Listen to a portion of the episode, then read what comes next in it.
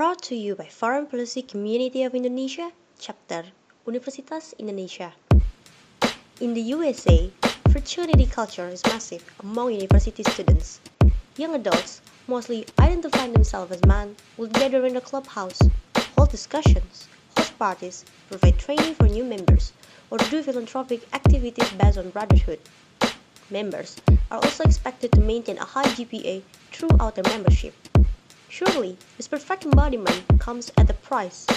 Set in its notorious harsh initiation phase, the culture of ultra-masculine entitlement arises as the frat house is filled by predominantly white privileged men that try to pass on the legacy of toxic masculinity. Its exclusive and secretive nature make frat houses, unbeknownst to the members, are becoming cult-like with full of illegal drugs, alcohol abuse, sexual harassment, petty crimes, or even murder. In this episode of Ideation, we will discuss how this fraternity culture is prevalent even in Indonesia, with it being less institutionalized, and how it could impact how society sees crime as a whole. Furthermore, we will see what we can do as bystanders to prevent this culture from growing in a society that still uses the word taboo to tackle such issue. This is your host speaking, and welcome the FCI chapter Ideation Frat Culture at its worst. Sex-related crimes hiding behind the breaking up others. The British people have voted to leave the European Union. I have a dream. So it becomes the last time that we see a child deprived of education. We are in the beginning of a mass extinction. What you can talk about Jadi is tanggung jawab kita bersama untuk mengatakan tidak bagi resesi ekonomi global. Hai Foreign Policy Enthusiast, kembali lagi bersama aku Anissa Shirley selaku host dari podcast Idea Session. Kita udah sampai di episode ke-11 dan ini merupakan episode yang spesial bagi aku karena aku nggak akan sendirian. Aku akan ditemani eh, salah satu protege dari FPCA Chapter Board 2021. Karena udah bersama aku, langsung aja aku sapa nih. Halo Melinda. Halo Kak Anissa, halo juga semua pendengar podcast Idea Session. Thank you banget untuk kesempatannya aku bisa berkesempatan berkontribusi di podcast yang kece ini. Em, aku mau memperkenalkan diri nih, aku Melinda Yunita dari FHUI Angkatan 2021. Salam kenal semuanya. Nah, betul banget tuh. Jadi nih Mel, di episode ini kenapa aku bilang spesial? Karena nggak hanya aku nggak sendirian, tapi juga karena bintang tamunya spesial nih. Karena udah ada nih Mel, kita langsung sapa aja kali ya. Halo Kak Ardia. Halo, halo Melinda, halo Shirley. Halo Kak. Nah, ini kenapa spesial? Karena Kak Ardia ini, dia eh, seorang mahasiswa dari Fakultas Hukum, dan Kak ini sibuk banget nih Mel, sibuk parah. Sibuk apa sih Kak Ardia ini? Nah, jadi Kak Ardia ini sekarang sedang menjabat sebagai Staff of Business Development FPCI Chapter Report of 2021 dan kalau aku baca profilnya kayaknya banyak nih ya, langsung aja Kak eh, Nisa selain sibuk di eh, FPCI juga, Kak Nisa ini punya segudang prestasi. Eh, Kak Nisa pernah menjadi delegasi untuk Harvard Project for Asia and International Relations, ini baru-baru aja nih Mel, tahun 2021. Mhm, Terus mhm. Kanisa pernah menjadi eh, delegasi dan memenangkan eh, Best Small Delegation eh, eh, untuk Singapore Model United Nation. Terus yang terakhir Kanisa juga em, mendapat honorable mention of United Nations Environment Program di NTU MUN. Gila, banyak banget tuh prestasinya. Wow, banyak banget ya buat aku sebagai adik-adiknya ini. Gimana nih? Nah, sama ini Kanisa nih dengar-dengar nih Kak dari orang dalam nih katanya ada bisik-bisik katanya Kanisa baru aja nih dapat program exchange tuh. Ke mana tuh? Kalau boleh tahu. Oh iya, alhamdulillah banget dapat program exchange nih ke Belanda nih, ke Maastricht University Eh, dari eh, Kemendikbud. Jadi program baru namanya Indonesian International Student Mobility Awards gitu, Mel gitu, share. Keren, keren banget. Ini udah sibuk begini nih Mel, udah banyak yang dikerjakan, banyak yang dilakukan, tapi Kanisa tetap eh, bisa hadir bersama kita dan membawa topik yang menarik nih, karena episode kemarin itu kita bahas tentang eh, Western pop culture, bagaimana membentuk Asian hate. Sekarang Kanisa bawa juga nih eh, topik yang mirip-mirip nih, culture-culture juga, tapi eh, bahasannya buat aku nih masih awam banget nih, frat culture. Frat culture tuh apa sih Kanisa kalau boleh tahu nih?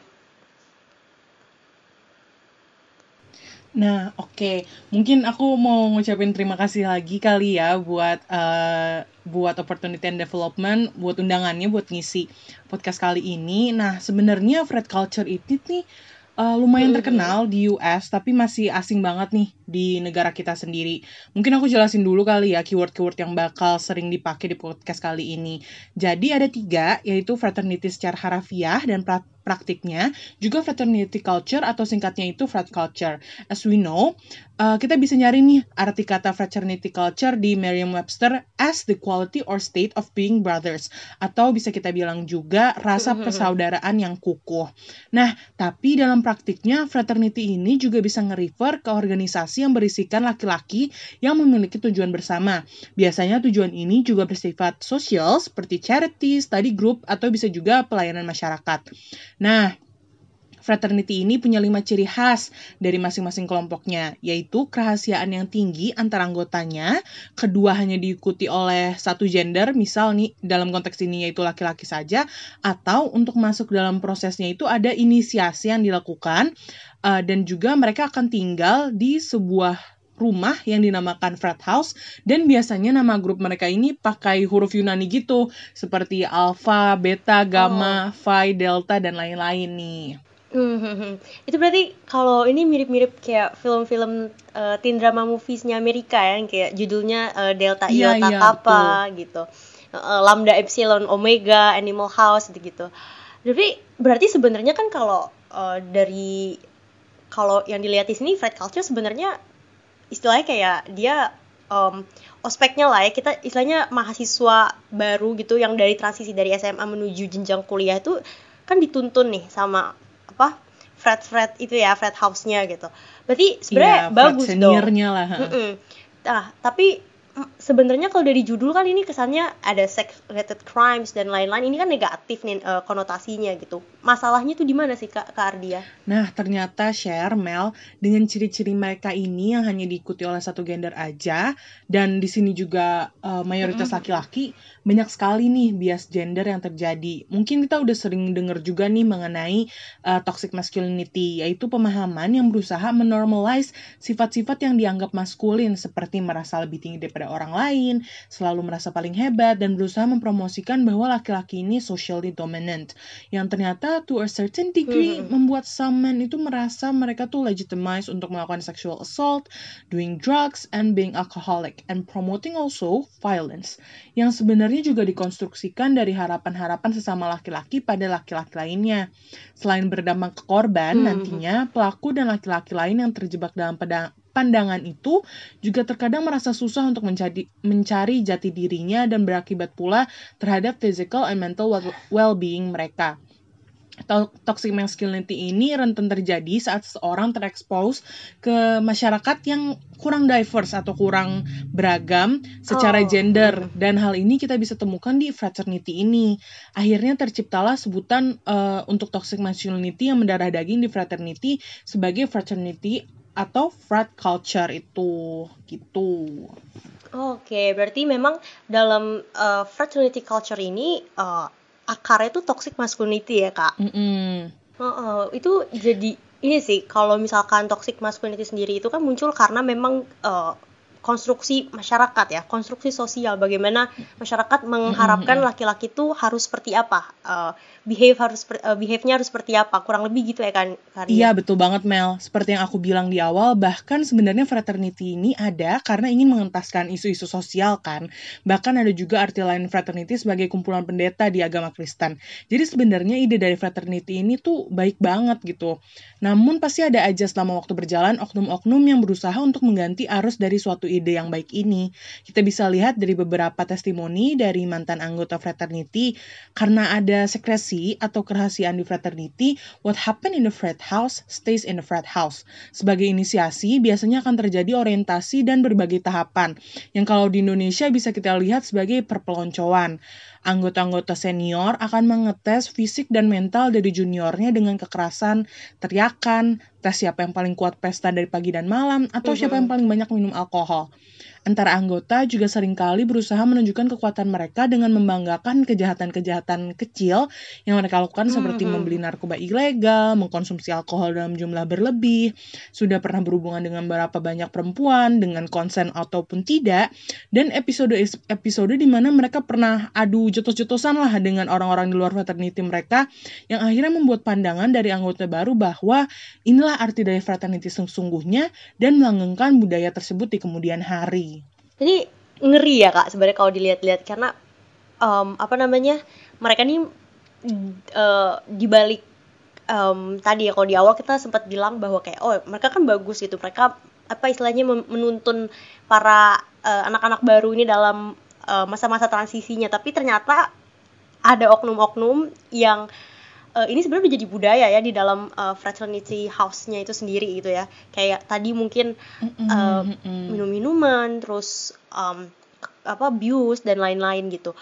Tapi maksudnya contoh konkretnya tuh ada nggak sih kak dari eh, fraternity culture ini yang kayak misalkan sampai meregang korban atau apa meregang nyawa gitu banyak banget ternyata. Bahkan udah ada yang eh, dihukum eh, lumayan tinggi di beberapa pengadilan di US jadi eh, aku lagi ngelansir riset atau kayak investigasi dari Washington Post. Mereka nih pernah punya investigasi mengenai kematian-kematian yang bersangkutan dengan fraternity house atau fraternity culture ini. Ada kasus dari Tyler Cross. Setelah dia mendapatkan eh, apa ya perlakuan tidak baik akhirnya dia kan nggak bisa tidur tuh. Karena seharian harus eh, ngikutin apa yang dimau sama seniornya. Dan juga per- perpeloncoannya ini udah lumayan nguras eh, seluruh tenaga dia Habis itu setelah beberapa hari di dalam frat house itu dia eh, dia drinks excessive amount of alcohol dan akhirnya nggak sadarkan diri dan akhirnya jatuh nih dari balkon frat house-nya itu karena nggak ada juga yang mau ngurus dia. Nah ada juga kasus Jason Wren yang meninggal karena akibat yang nggak jauh berbeda. Ia ditantang untuk minuman minum campuran whisky, vodka dan bir di sebuah ritual bernama Man Challenges dan mengalami keracunan alkohol itu sendiri. Ih, aku ngedenger paparan dari Kak Ardia tuh ngebuat aku sadar dan juga ngeri banget tau Kak. Karena uh, it make me realize kalau misalkan frat culture itu nggak bisa dianggap sepele dan it really endangers the member gitu kan. Tapi uh, menurut Kak Ardia nih dari riset-riset yang pernah dilakuin juga mungkin ya, apakah perilaku buruk yang mereka lakukan itu juga mengancam society di sekelilingnya gitu? Ada gak sih orang atau kelompok yang ikut-ikutan terdampak nih dari adanya frat culture ini? Uh, unfortunately ada. Menurut Washington Post itu ada perempuan yang bernama Michelle Ann Briggs lagi jalan di pedestrian atau di jalan trotoar. Tiba-tiba ia ditabrak oleh mobil hingga meregang nyawa. Ternyata setelah ditelusuri pelakunya adalah seorang pema seorang yang mabuk karena sebuah pesta di fraternity house. Di, di kasus lain ada George Desdunes yang bahkan sampai diculik, disekap dan diracuni oleh anggota fra- fraternity yang katanya itu adalah bentuk inisiasinya mereka. Dari kasus-kasus ini sebenarnya frat culture ini bisa membuat siapa aja jadi korban. Bahkan eh, buat orang yang nggak tahu apa itu frat culture dan juga toxic masculinity. Jadi aku bisa bilang hampir semua kelompok bisa terdampak sih. Oh, ini tuh jadi mungkin ini refer balik lagi kayak ke film. Ada salah satu film eh, judulnya The Riot Club nih ya. Mungkin aku sharing aja. Em, itu eh, ini sih latarnya di British di Inggris gitu dan itu merujuk ke salah satu universitas terbaik di sana gitu. Dan mereka punya eh, budaya yang sama juga kayak frat house gitu dan eh, mereka melakukan kayak semacam ritual. Ya ritualnya ritual minum minuman seperti yang tadi Kak Ardia bilang dan Hmm, mereka menyewa salah satu restoran dan di situ pemilik restorannya komplain karena apa yang mereka lakukan itu merusak eh, apa namanya properti eh, beliau gitu. Dan di situ mereka secara tidak sadar eh, karena dipengaruhi alkohol mereka akhirnya membunuh si pemilik restoran itu. Berarti kalau bisa aku mungkin tarik sedikit garis ininya berarti memang flat culture ini tidak hanya membahayakan anggotanya aja tapi membahayakan orang lain dan it's still happening right now ya kak Betul, betul banget. Berarti kalau em, balik lagi ke judul awal dari topik ini yaitu eh, tadi kan sempat disebut bahwa kayak iya dia buruk segala macam. Eh, tapi kan di sini fokus utamanya adalah sex related crimes gitu. Apakah memang ada em, em, kejahatan-kejahatan yang mengarah ke arah sexual harassment dan lain-lain gitu Kak Ardia? Uh, aku pengen sharing dulu boleh gak nih sebelum ke Kak Ardia? Boleh, oh, boleh, boleh, boleh, boleh. Mel. Silakan Mel. Oke, aku tuh pernah baca ya kak. Tadi kan juga sempat dibahas nih tentang toxic masculinity yang merupakan salah satu akar dari Fred culture, di mana laki-laki itu attend untuk mendominasi perempuan. Dan aku baca nih di salah satu testimoni mahasiswa US di Juni 2020 lalu, namanya dia William. Dia tuh bilang kalau misalkan mahasiswi di sana itu nggak pernah diizinin untuk mengadakan pesta yang biasanya jadi uh, budayanya US lah ya. Nah, jadi untuk fulfill their needs, uh, social needs itu mereka mau gak mau harus datang ke frat house-nya kan, which itu di isinya pasti semua cowok yang drunk and ya under the alcohol mm. dan lain-lain kan. Nah, berdasarkan data dari the US National Institute of Justice, member dari frat culture itu three times more likely to commit rape dan the normal peers gitu kan. Jadi menurut mm -hmm. aku chance mereka di bawah pengaruh alkohol balik lagi dan karena konsep toxic masculinity itu sendiri, siapa yang bisa berhubungan lebih banyak dengan wanita itu tuh lebih manly membuat mereka apa ya? Uh, lebih berani gitu untuk melakukan hal-hal yang sebenarnya bisa menurunkan dignity seorang perempuan gitu kan. Dalam hal ini uh, sexual assault gitu. Bahkan waktu itu aku pernah baca juga nih ada riset dari University of Oregon 40% dari mahasiswinya itu di kampusnya menjadi sasaran pemerkosaan loh kak. Bahkan korban selama masa perkuliahan. Serem banget kan? Berarti kalau kalau kayak gitu um, memang uh, Fred culture ini ada. Tapi kan itu uh, data ya. Kalau misalkan yang konkretnya tuh kira-kira ada nggak nih ke Ardia mungkin? Nah, uh, jadi beberapa penelitian memang membuktikan karena didorong oleh tekanan dari fraternity ini juga untuk merasa maskulin 50% dari uh, kasus pemerkosaan di kampus AS biasanya dilakukan oleh anggota fraternity dan lebih dari 90% gang rape ini juga dilakukan oleh anggota dari fraternity itu. Ide-ide maskulinitas yang buruk ini membuat pandangan bahwa dalam situasi apa pun rasa persaudaraan di fraternity ini harus selalu dijaga. Seringkali hampir semua orang di dalam fraternity sudah tahu siapa yang melakukan pemerkosaan kepada siapa, namun dengan alasan kerahasiaan tidak ada yang berani melapor uh, atau sekedar menjadi whistleblower ke pihak berwajib. Hal ini menimbulkan susahnya investigasi polisi polisi dan trauma berkepanjangan bagi korban karena masih bisa melihat uh, pelaku-pelaku kekerasan itu berkeliaran di kampus. Jadi sebenarnya aku mau cerita tentang uh, ini sih kasusnya Brad Kavanaugh. Jadi kalau misal kalian tahu Brad Kavanaugh itu mm -hmm. waktu tahun 2018 dia adalah uh, calon hakim agung di uh, Supreme Court di Amerika. Ternyata waktu dia kuliah kalau nggak salah di Yale University biasa tuh dia ikutan fraternity dan ternyata dia pernah uh, sexual harassment. Aku aku lupa uh, detail sexual harassment yang kayak gimana tapi akhirnya emang uh, karena si uh, karena perempuannya ini uh, korbannya ini emang lagi uh, party juga nih di uh, di frat house itu dan akhirnya menjadi korban dan itu lumayan membuat dia trauma bahkan dia akhirnya uh, berprofesi menjadi profesor di psikologi karena trauma yang ia dapatkan di uh, waktu dia uh, kuliah di Yale University itu. Hmm. Berarti kalau kayak gitu kan kalau misalkan kita bicara masalah uh, kekerasan seksual dan uh, apa sexual abuse itu nggak bisa lepas juga dari masalah relasi kuasa ya ketimpangan kuasa itu pasti ada. Uh, mungkin selain tadi loyalitas dan solidaritas gitu ya faktor mereka adalah orang-orang yang punya power punya uh, privilege itu juga pasti uh, melekat ya ke Ardia dan Mel ya. Iya. soalnya aku dapat data dari Fox gitu. Jadi uh, ada survei di tahun 2013 kalau mostly dari 200 anggota yang menjalani uh, kalau misalkan di US kita pakai istilahnya Greek life ya, yang frat culture uh, apa budaya-budaya seperti ini biasanya Greek life gitu. Sekitar 72 persennya itu 72 persen dari 200 member itu mereka adalah orang-orang yang uh, istilahnya ekonominya middle sampai upper class dan sisanya tuh cuma 18 sampai 6 persen yang mereka tuh dari working class gitu. Jadi di sini bisa uh, bisa terlihat bahwa kenapa mungkin budaya ini langgeng dan juga uh, ini kan maksudnya budaya ini kan budaya yang istilahnya negatif ya konotasinya dan ini mengakibatkan banyak korban gitu tadi disebutin juga.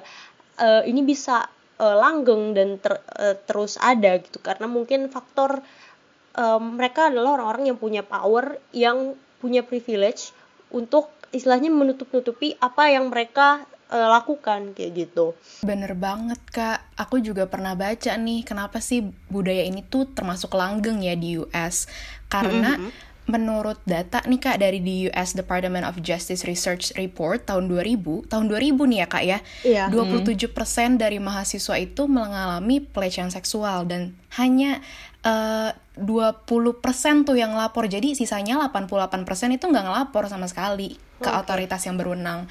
Kenapa? Karena menurut aku ya masih ada dogma perempuan malu untuk speak up gitu ya. Pasti Iya. ada determinasi dari lingkungannya, ngejudgment dan lain-lain, play victim lah dan lain-lain. Terus yang kedua, aku juga mikir sekolah nggak berani untuk em, ngasih tahu kalau misalkan ada masalah ini ke publik karena mereka juga harus menutupi kasus itu demi menjaga eksistensi dan kredibilitasnya gak sih? Iya, Iya. reputasi mereka penting. Dan tadi tuh aku setuju banget sama yang Kanisa nyebutin Brett Kavanaugh yang sekarang udah jadi hakim ya di US.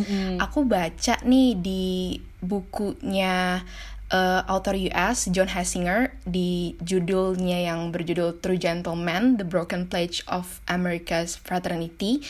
Eh, dia tuh cerita kalau misalkan alumni-alumni yang dulunya jadi geng frat culture ini ternyata pas dia udah lulus menjadi politik-politik pemerintahan, landlords dan sebagainya macamnya. Dan itu menjadi donatur terbesar bagi sekolah kan, eventually otomatis uh, instead of losing money, mahasiswi lah yang harus dikorbankan. Ironis banget sih. Nah, khusus yang kasus Brett Kavanaugh itu kan emang biasanya kekerasan seksual itu terjadi di frat house. Dan frat house itu tempatnya tuh benar-benar secluded dan bahkan eh, kayak di daerah-daerah yang emang susah dijangkau oleh orang-orang biasa kan. Akhirnya membuat korban susah nih untuk cari pertolongan. Di beberapa kasus pemerkosaan, anggota lain malah membuat eh, pemerkosa ini lebih gampang untuk melakukan pemerkosaan dengan menjaga eh, si korban untuk nggak meronta-ronta. Fraternity President bahkan sering juga menyuruh bawahan-bawahannya untuk membungkam anggota yang telah menunjukkan gerak-gerik aneh nih atau menyimpang dari apa yang mereka biasanya lakukan. Jadi kayaknya kemungkinan uh, member yang ini mau bo- mau jadi whistleblower ataupun mau ngebocorin rahasia mereka akhirnya dibungkam nih sama fraternity uh, nya tersebut. Mereka seperti didoktrin nih bahwa you in return of covering you up must show that fraternity that it can trust you. You must be willing to die for it. Jadi mereka udah didoktrin nih selama di fraternity untuk melakukan covering each other up itu. Oke, berarti memang sel- eh, banyak nih ya, banyak faktor, banyak eh, apa namanya alasan-alasan kenapa frat culture ini em, tetap langgeng gitu sebagai suatu budaya yang eh, negatif gitu konotasinya. Em, tapi dari tadi kan kita ngobrol kayak em, bahwa ini kan ada dampaknya ke em, mostly adalah perempuan ya dan eh, minor gitu. Eh, dan bagaimana kasus kasus dari frat culture ini yang berdampak ke sexual harassment dan sexual abuse itu kan sulit untuk dibongkar itu itu jadi um, it's gonna remind me gitu sama fenomena ngabers di Indonesia gitu dan mungkin aku mau tanya gini, apakah bisa uh, frat culture ini uh, disamakan dengan uh, fenomena-fenomena ngabers di Indonesia tapi sebelum dijawab ke Ardia uh, kita jeda dulu Eh, jawabnya nanti di segmen 2 aja Siap, siap. Eh, buat para pendengar podcast AD Session tetap stay tune di podcast AD Session. The British people have voted to leave the European Union. So it becomes the last time that we see a child deprived of education. We are in the beginning of a mass extinction. What you can talk about Jadi tanggung jawab kita bersama untuk mengatakan tidak bagi resesi ekonomi global. Oke deh, para pendengar podcast AD Session, kembali lagi. Em, tadi kita pembahasannya sampai di apakah eh, fenomena ngabers di Indonesia itu bisa disamakan dengan eh, fraternity culture nih, Kardia. Mungkin sekarang udah bisa nih dijawab. Nah, sebenarnya eh, daripada kita ngegeneralisir nih ngabers ngabers eh, sebagai orang yang melakukan fraternity culture ini di Indonesia, mungkin kita bisa kasih tahu dulu kali ya eh, oke. ngabers itu yang kayak gimana. Maksud aku biar kita nggak ada kesalahpahaman juga. Mungkin eh, yang kita bisa ambil dari fraternity culture itu kemiripan kemiripannya dulu. Aku mau nga- identify nyoba identify kemiripan kemiripannya itu apa. Nah, jadi sebenarnya eh, mungkin kalau untuk kemiripan eh, lebih ke ide- mereka tuh punya Hmm. identitas yang sama, mereka suka ngumpul di tempat yang sama, berlatar belakang eh, sosial dan ekonomi yang sama, dan juga punya ketertar- ketertarikan yang sama. Tapi bedanya dengan eh, frat culture yang ada di US, mereka ini nggak institutionalized, mereka nggak mereka nggak tinggal bareng, atau mereka punya identitas eh, suatu lembaga yang sama, organisasi gitu, atau mereka tuh ada sistem perpeloncoan. Nah, tapi emang kemiripannya itu lumayan kentara nih antara uh, uh, frat culture dan juga ngabers ini. Tapi aku mau coba uh, mau coba dissect dulu. Sebenarnya walaupun uh, biasanya uh, jenis-jenis ngabers ini kemampuan ekonominya berbeda, biasanya ada ke satu kesamaan bahwa mereka tuh yakin mereka punya orang yang bisa nge-backup jika ter- mereka ngelakuin sesuatu yang uh, bermasalah bisa dalam bentuk Oh, iya, uang, jabatan atau wewenang mereka di masyarakat yang akhirnya memberikan keamanan untuk kelompok ini melakukan apa yang mereka mau. Mungkin yang paling simpel seperti untuk sekarang ini yaitu mereka-mereka yang melanggar protokol kesehatan saat di luar untuk hal yang tidak penting. Memang akibatnya itu nggak langsung ke masyarakat, namun penyebaran COVID-19 dengan mudah terjadi di klaster-klaster kecil ini. Contoh lainnya juga bisa dari kelompok-kelompok yang suka tawuran. Orang-orang yang Mhm. ikut tawuran memiliki alasan bahwa mereka ingin menjaga harga diri mereka sendiri setelah disinggung oleh uh, kubu yang lainnya. Sedikit mirip dengan adu jotos-jotosan yang ada di frat culture. Lalu juga uh, mengganggu orang-orang yang tinggal di sekitar daerah tawuran hingga memakan Mhm. korban hingga meninggal. Selain itu, beberapa kasus pemerkosaan yang terjadi di Indonesia juga berakar pada institutionalized fraternity ini. Contohnya ada kasus di Bengkulu. Jadi A itu sakit hati nih setelah diputus hubungannya oleh B pacarnya dia, mantan pacarnya dia. Nah, beberapa hari setelahnya ia ngajak teman seperkumpulannya yang berjumlah 14 orang untuk memerkosa B. Mereka mengira B- B itu akan meninggal setelah tidak diketemukan dua hari. Namun untung aja ada petani nih yang sedang berjalan ke tempat di mana B ditinggalkan di sebuah kebun. Jadi sebenarnya eh, kalau misalnya ada kemungkinan mereka lebih mudah tertangkap atau lebih mudah dihukum dan juga eh, nggak bareng-bareng, kemungkinan besar mereka nggak bakal ngelakuin itu sih. Oke, berarti memang ada perbedaan dan juga uh, ada persamaan, ada juga distingsinya perbedaan-perbedaannya gitu. Tapi uh, ini kurang lebih uh, sama ya, sama yang apa dilakukan dengan uh, culture yang ada di uh, uh, Amerika sana gitu. Uh, menurut Kardia sendiri gitu, kan ini maksudnya dari pola-polanya sendiri, uh, kita tahu Indonesia adalah salah satu negara yang maksudnya masih menganggap beberapa hal-hal seperti kayak hubungan badan di luar nikah aja itu tabu gitu.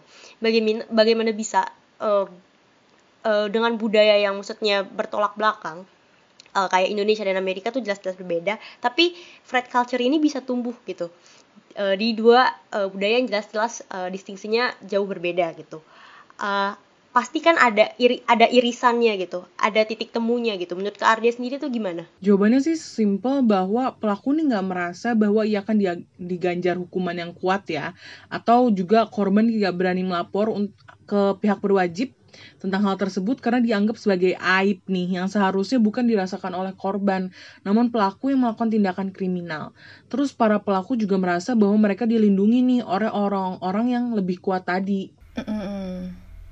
Oke, dari paparannya Kak Ardia nih bisa kita lihat ya kalau misalkan miskonsepsi tentang seks dan gender itu masih kental banget di Indonesia. Anggapan bahwa lelaki itu selalu mendominasi kaum wanita gitu kan. Kalau ada kasus pelecehan seksual pun yang kita masih suka denger tuh candaan kayak kok nggak mau sih perempuan dienakin? Or kan bisa Iya, nolak. sedihnya. gak usah play victim deh jadi perempuan gitu-gitu kan. Pemikiran seperti itu tuh yang mengakar kuat di masyarakat Indonesia.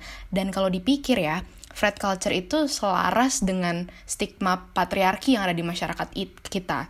Sekalipun orang Indonesia sebenarnya nggak familiar sih dengan istilah Fred culture, tapi can I say that our society sebenarnya accepting fenomena Fred culture sebagai suatu hal yang wajar gitu secara nggak langsung. Gimana nih menurut Kak Anissa? Gimana orang-orang di luar Fred culture melihat fenomena ini?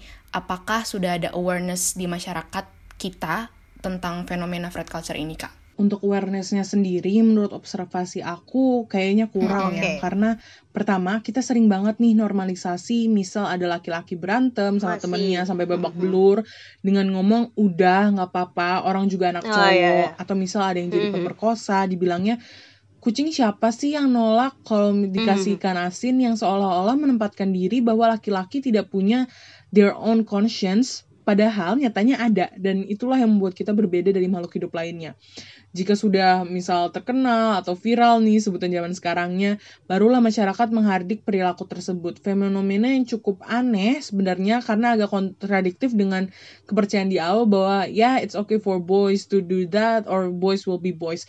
Jadi sebenarnya eh, kita nggak uh, blatantly accepting the idea, but in our mind, we're still uh, installing like the idea of ya boys will be boys ke anak-anak kita dan kita berharap mereka nggak bakal ngelakuin hal yang salah waktu besar, tapi dari kecil mereka ditumbuhkan untuk melakukan hal yang salah itu gitu. Ah iya, bener banget tuh kak. Jadi sebenarnya kayak seharusnya kita udah paham ya semua ini pendengar-pendengar gimana harmful efeknya nih yang terjadi kalau misalkan fraternity culture itu dinormalisasi di Indonesia gitu kan. Kalau menurut aku sih frat culture itu sebagai safe space ya untuk member-membernya melakukan berbagai tindakan kriminal, excessive drinking, bahkan tindakan pelecehan seksual, which is mengancam kelompok yang dianggap minor tadi, terutama kaum-kaum wanita nih.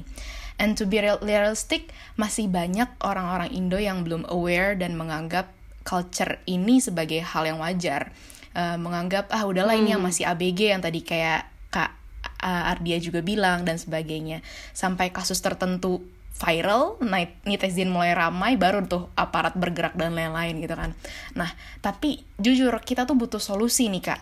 Menurut Kak Ardia nih, apa sih yang bisa dilakukan supaya pemahaman yang nggak bener nih tentang flat culture ngabers itu nggak mendarah daging dan terinternalisasi di masyarakat kita? Pertama Mel, mungkin kita bisa manifesting ke diri kita sendiri dulu kali ya, bahwa nggak boleh toleransi tindak pidana sekecil apa pun, misal dari sesimpel nggak keluar rumah kalau tidak dibutuhkan saat PPKM, atau nggak nerobos lampu merah aja. Eh tapi kalau nerobos lampu merah sih pelanggaran ya. Nah dengan kita mulai dari hal-hal kecil ini, kita akhirnya juga nggak akan menoleransi hal-hal yang besar juga, dan nggak berusaha normalize atau mencari pembenaran dari suatu tindak pidana. Bisa juga kalau kita tahu ternyata teman kita melakukan kekerasan seksual atau intensi ke sana, kita berusaha meyakinkan atau memberi saran kepada mereka bahwa hal tersebut nggak bisa dikasih alasan apa pun, nggak ada justification-nya. Memang udah salah secara lahiriah. Nah, bisa juga dari kita perempuan-perempuan juga nggak objectifying men, eh, jadinya juga men is not objectifying us as a trophy yang harus dimenangkan oleh seseorang. We need to think equally dulu sih, yang penting bahwa ini bukan masalah satu kelompok masyarakat aja, karena baik perempuan dan laki-laki juga mendapatkan dampak buruknya. Oke, uh, I get the point gitu bahwa uh, kita harus mulai uh, kita nggak bisa secara serta merta untuk langsung mengubah, tapi kita bisa untuk mulai dari uh, lakukan hal-hal kecil, perubahan hal-hal kecil dari diri sendiri dan lain-lain. Tapi kan itu uh, ranahnya, skupnya adalah um, laki-laki dan perempuan gitu. Tapi kita juga tuh kita juga harus realistis gitu bahwa uh, we live in a society yang uh, speak up itu sulit gitu. Nah, bagaimana nih uh, menurut Kak Ardia sendiri gitu uh, menghadapi um, masyarakat yang lingkungan di society itu sendiri aja untuk kita bisa speak up dan uh, istilahnya vokal dalam hal-hal seperti ini tuh masih sulit gitu. Wah, emang agak susah sih aku akuin banget nih Mel share emang susah banget. Tapi mungkin yang bisa dilakukan pertama banget nih oleh pemangku kebijakan yang ada adalah untuk menyetujui pengaturan mengenai kekerasan seksual sih. Aku juga belajar nih pas kuliah kalau sebenarnya ada dua cara ngebuat peraturan if I'm not mistaken, yaitu karena emang udah ada pemahaman di masyarakat atau sebenarnya belum ada. Tapi negara ingin memberikan pemahaman tersebut karena melihat perubahan zaman. Jadi um, mungkin emang agak lebih susah untuk uh, manifest the idea of jangan ngakuin kekerasan seksual ke uh, orang-orang di Indonesia karena I think it falls on the second category. Jadi mungkin langkah konkret pertama itu adalah membuat peraturannya dulu biar nanti akhirnya ada kesadaran bahwa oh ini aja udah dibuat peraturan berarti uh, emang udah salah dong. Lalu nih baru kita bisa beranjak Hmm, hmm, hmm. sosialisasi dan mencoba membuat pahaman tersebut ajak di masyarakat. Selain kedua hal tersebut, kita juga bisa nih membuat diskusi mengenai kekerasan seksual yang lebih inklusif. Bukan terbatas bahwa perempuan harus melindungi dirinya sendiri, namun juga pengubahan pandangan eh, baik di penegak hukum dan laki-laki juga. Jadi kita harus eh, kita harus memberikan pemahaman lebih atau mungkin lebih eh, aku tahu nih kalau di UI juga ada kayak eh, step by stepnya kan untuk penanganan kekerasan seksual. Hmm, hmm. jadinya eh, lebih apa ya lebih jelas eh, di lapangannya dan lebih aman juga untuk korban. Eh, saat diskusi juga yang ada itu men- eh, saat diskusi juga tidak ada lagi pengotak-kotakan bahwa oh ini isu perempuan aja oh ini isu kesetaraan gender aja. Tapi kita ada realization juga akhirnya karena eh, lebih inklusif ini tuh isu kita bersama gitu loh Hmm, hmm, hmm. Oke, berarti memang kalau dalam uh, topik seperti kayak flat culture dan kaitannya dengan sexual harassment itu nggak bisa hanya dalam skup individu dan juga harus masyarakat itu bergerak bersama-sama ya Kardia kurang lebih gitu ya. betul betul Oke deh, sekarang nih Mel kita masuk nih ke sesi Q&A. Ini udah ada pertanyaan banyak yang masuk, cuman mungkin kita bacain satu aja kali ya, gitu. Eh, pertanyaan dari Sherilyn Gaby, em, eh, kurang lebih pertanyaannya seperti ini. Eh, seberapa besar eh, eh, peran gitu ya dari eh, toxic masculinity ini eh, istilahnya berperan di apa flat culture budaya flat culture ini dan uh, and how to dismantle it gitu Kardia mungkin bisa dijawab Nah, jadi pertama mungkin kita tadi ya manifest dulu ke diri kita sebenarnya toxic masculinity itu apa sih? Terus kenapa itu bisa berdampak buruk bukan hanya kepada kita eh, tapi juga kepada laki-laki. Sebenarnya kita tuh nggak bisa ngasih apa ya kadang-kadang aku lihatnya kita tuh susah untuk dismantle uh, toxic masculinity karena uh, the people that are doing it nggak bisa dikasih pemahaman kalau korban tuh gini gini gini mereka tuh harus dikasih pemahaman pemahaman dari apa sih yang membuat mereka susah apa sih yang membuat mereka lebih uh, hidupnya bakal lebih ribet ke depannya. Nah jadi setelah kita udah ngasih tahu ke mereka bahwa ya ini akan ngebuat kalian punya ekspektasi yang berlebihan terhadap diri kalian sendiri. Ini akan ngebuat uh, diri kalian capek dan nggak bisa ngekspresiin diri sendiri.